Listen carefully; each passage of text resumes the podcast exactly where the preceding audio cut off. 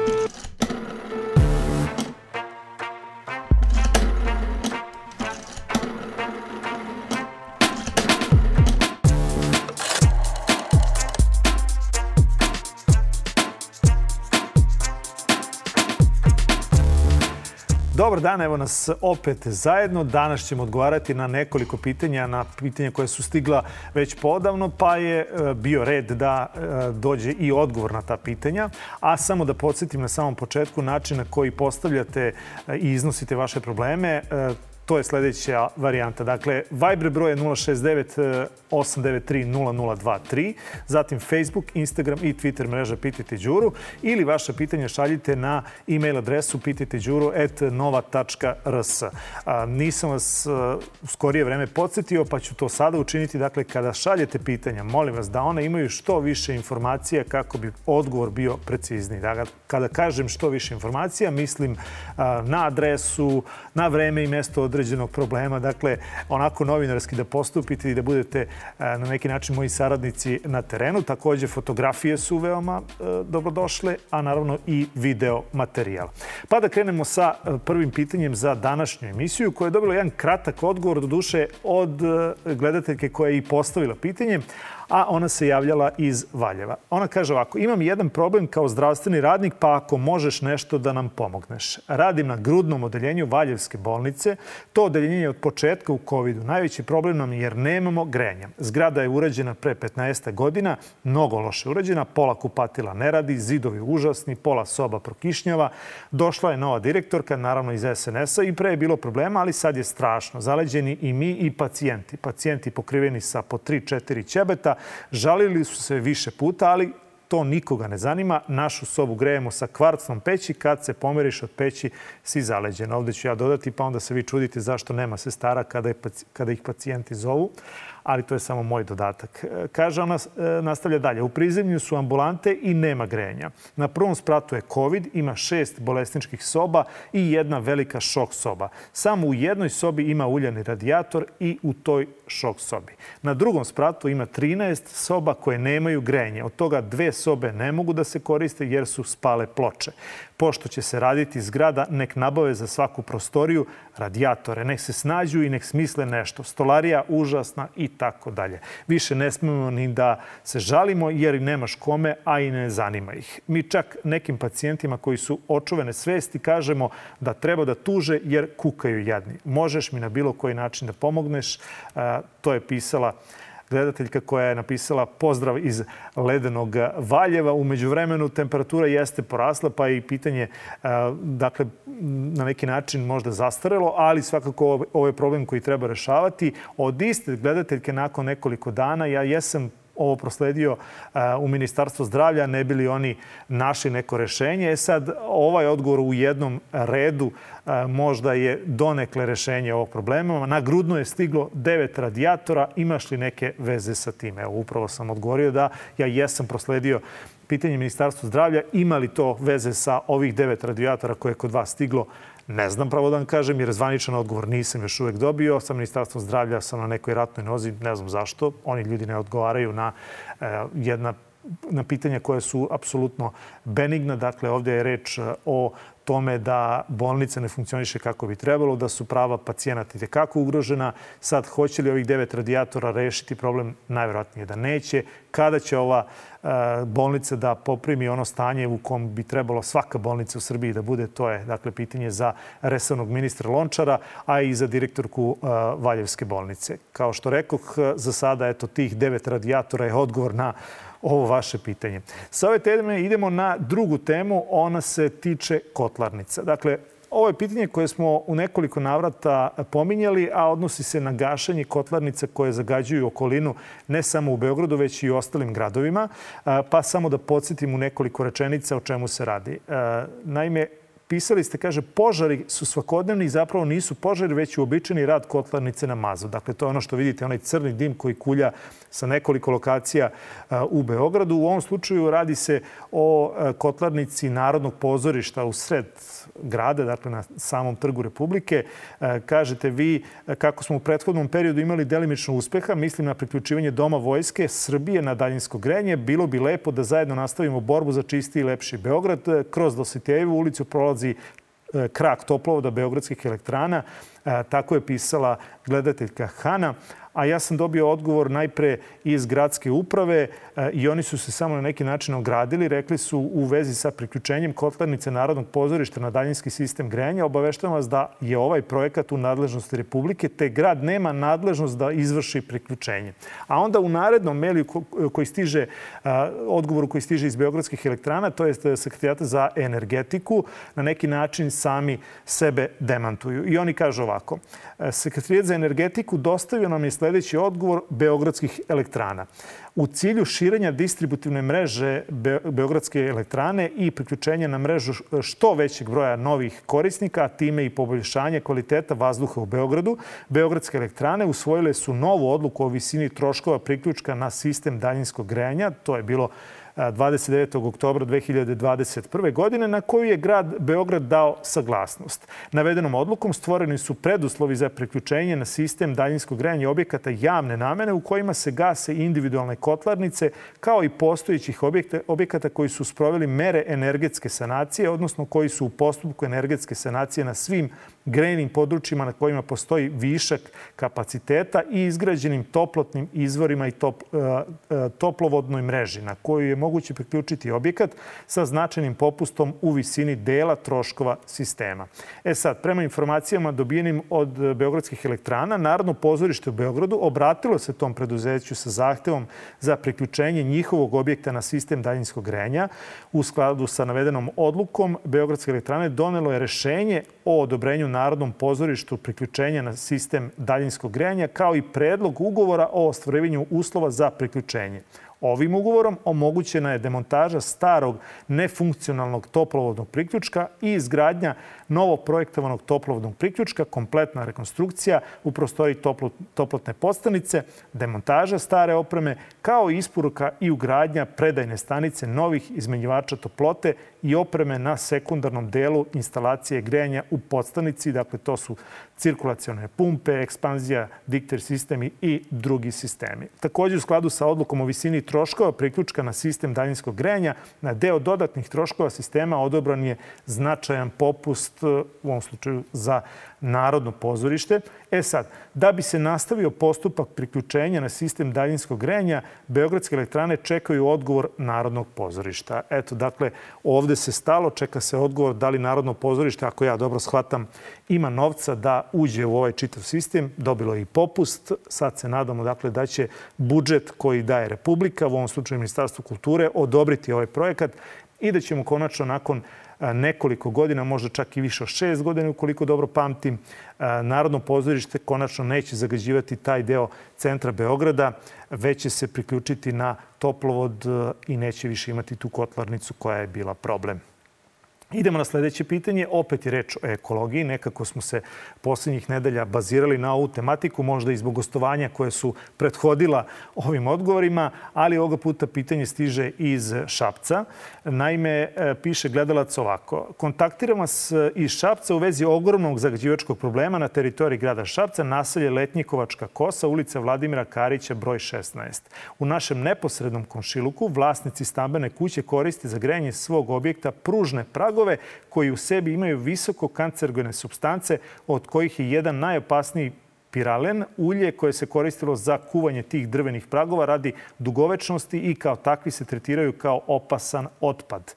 Mi, u, mi svi u komšiluku imamo svoju decu, naše porodice, kao i ti ljudi koji koriste te visoko kancerogene stvari za grejanje. Smrad prilikom sagorevanja je nepodnošljiv. Trovanje je toliko da možemo samo da pretpostavimo. Skrenuli smo im pažnju prošle godine na strahovite posljedice za sve nas, ali su oni ponovo i ove godine nabavili ovaj vid otrova koji se svuda u svetu, koji svuda u svetu zabranjen za sagorevanje, kao što i kod nas u Republici Srbiji zabranjen. Takođe su te pragove od železnice sekli na ulici, piljevinu su razvukli po ulici i placu pored njihove kuće, koje će u nedogled i posle grejne sezone, kada dođe lepo vreme, trovati našu decu i sve nas u komšiluku. Molim vas kao roditelji, građani, bez mrlju u svojoj istoriji, da nam nekako pomognete u postupku, da neko izađe na teren i onemogući sagorevanje ovog otrova i trovanje našeg okruženja i, šilje, i šire. To je poslao gledalac Petar Ždrakanović.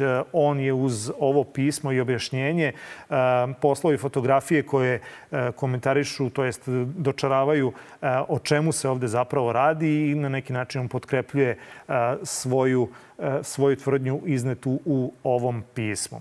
Ja sam vrlo brzo dobio odgovor nakon ovog vašeg pisma koje sam prosledio i Ministarstvu ekologije i gradu Šapcu, njihovoj inspekciji koja je nadložna za ove stvari. Za sada iz Ministarstva ekologije ne stiže odgovor.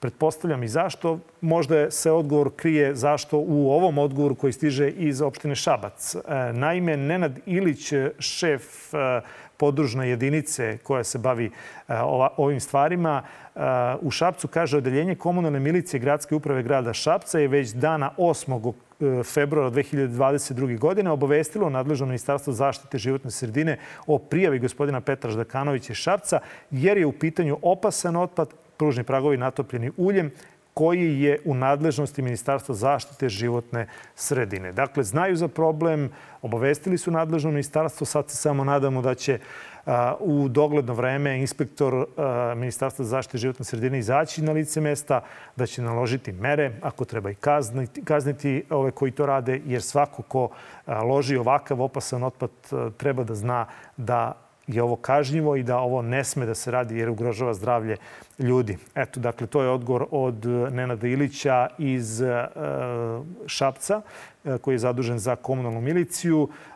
A mi idemo na sledeće pitanje. Delimično smo pomenuli grejanje u Šapcu, a evo kako to funkcioniše ili bolje reći ne funkcioniše u Beogradu. Ovakvih pritužbi ima na desetine, pogotovo kada je grejna sezona i mislim da Beogradske elektrane su jedno monopolsko preduzeće koje je vrlo svesno svog položaja i na ovakve pritužbe građana ne reaguje, niti umanjuje račune. Ovakve stvari u suštini bi mogle da dođu do suda i da vi tužite Beogradske elektrane, ali kao što jednom prilikom reče Dejan Gavrilović iz Udruženja Efektiva, redko kad on ne pamti u praksi da je neko dobio bilo koje komunalno javno preduzeće u Beogradu, pa je sama tužba možda samo dodatni trošak za građana. No da se bacimo na pitanje. Kaže e, gledalac ovako. Molim vas da nam pomognete u rešavanju problema stanara u ulici doktora Ivana Ribara 113, blok 45 na Novom Beogradu, koje imamo sa grejanjem jer su radijatori mlaki. Vama se obraćamo jer, iako smo se obraćali više puta toplanama, problem nije rešen. E sad, šta su meni odgovorili? I šalju oni e, u dokumentu i fotografiju kako to izgleda kada njihov čovek izađe u stan i kako to izgleda kada on izmeri temperaturu.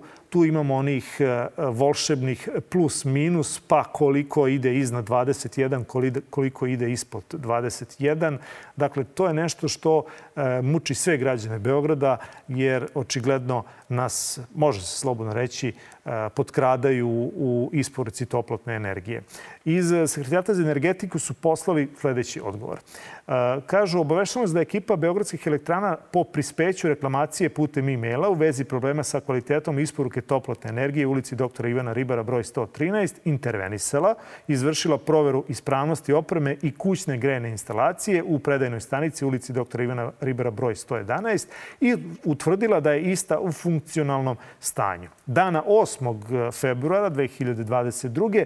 izvršeno je kontrolno merenje vrednosti temperatura vazduha u stanu broj 41, pri čemu su izmerene vrednosti temperature vazduha u propisanim granicama. Dakle, to je onih 20 plus minus 1 o kojim sam vam malo pregovorio, a na osnovu tog famoznog člana 45 odluke o snabdevanju toplotne energije u gradu Beogradu. Kažu da merenje temperatura u ostalim stambenim jedinicama nije izvršeno jer je po navodima korisnika na licu mesta grejanje, to jest kvalitet isporuke toplotne energije zadovoljavajućeg kvaliteta. Takođe, ističu da ukoliko korisnici imaju primebe na kvalitet isporučene toplotne energije u svojim stambenim jedinicama, mogu pozvati dispečerski centar Beogradskih elektrana na njihov broj telefona 2093 011 da bi se merenjem utvrdile temperature u prostorijama u periodu grejnog dana. Dakle, u prilogu su poslali taj zapisnik o merenju temperature vazduha.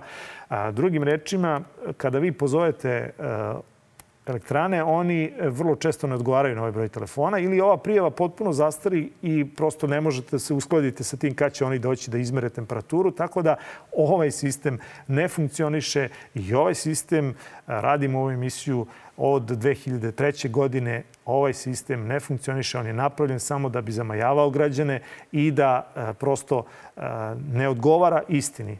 Jer ovde imamo i onu situaciju kada ljudi dogrevaju svoje e, stanove da bi im bilo toplo. I onda ukoliko neko dođe da izmeri e, temperaturu u vašem stanu, normalno da će biti u tim granicama plus minus 1, 20 jer ste vi to dogrevali. Dakle, ne znam šta treba da radimo. Da otvorimo prozore pa da onda u zapisniku to koji izađe na lice mesta se navede, bilo i takvih slučaja, verujte mi, kažu vlasnici stanova su luftirali svoje prostorije pa temperatura u stanu nije odgovarajuća i ne možemo izvršiti adekvatno merenje. Dakle, još jednom ponavljam, ovde je veoma, veoma teško se izboriti sa beogradskim elektranama.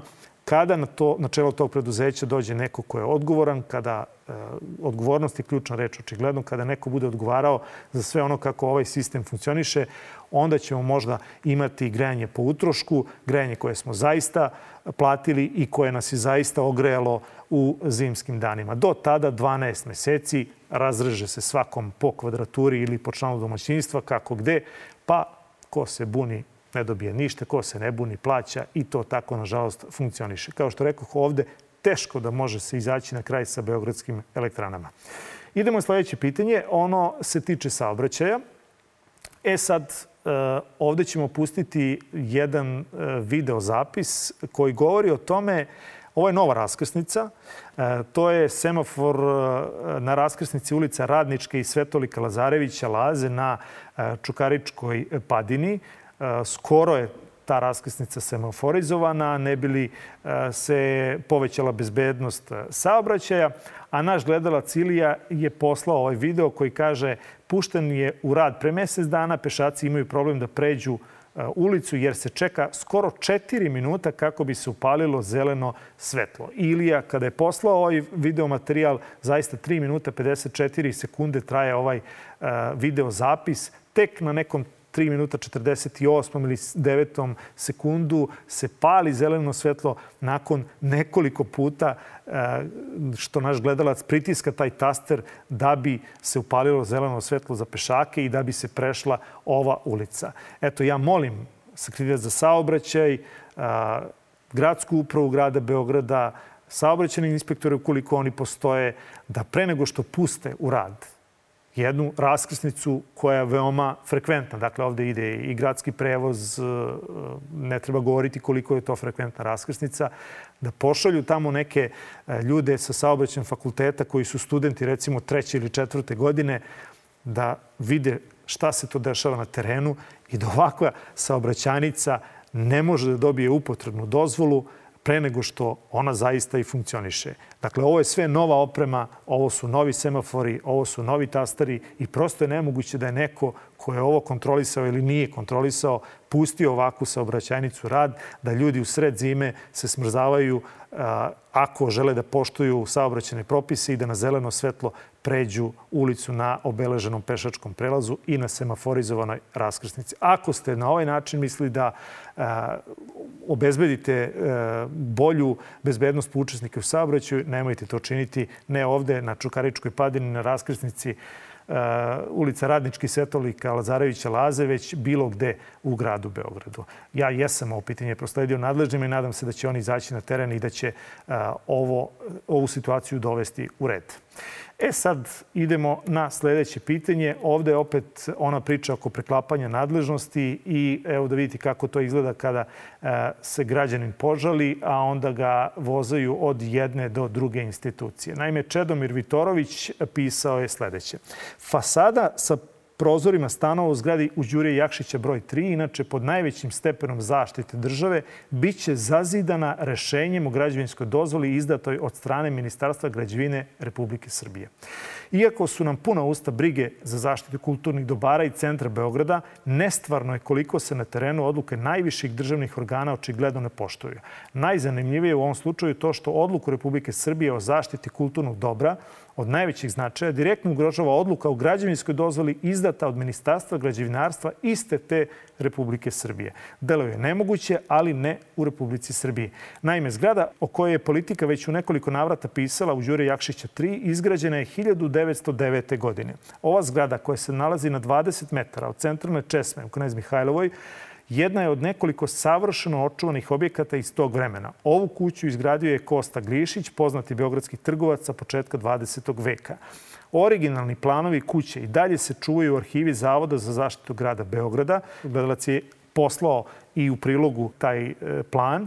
Na planovima su prikazani stanovi, lokali i naravno izgledi fasada, sjajno zamišljeni u fantastično izvedeni i za sadašnja, kamoli za uslove pre više od 100 godina. Između ostalog, na dvorišnoj fasadi ove zgrade na podrumu je napravljen ventilacioni otvor, a na svim stanovima, odnosno sobama koje gledaju na dvorište, postoje prozori. Naravno, svi ovi prozori dalje stoje na istom mestu još od 1909. godine.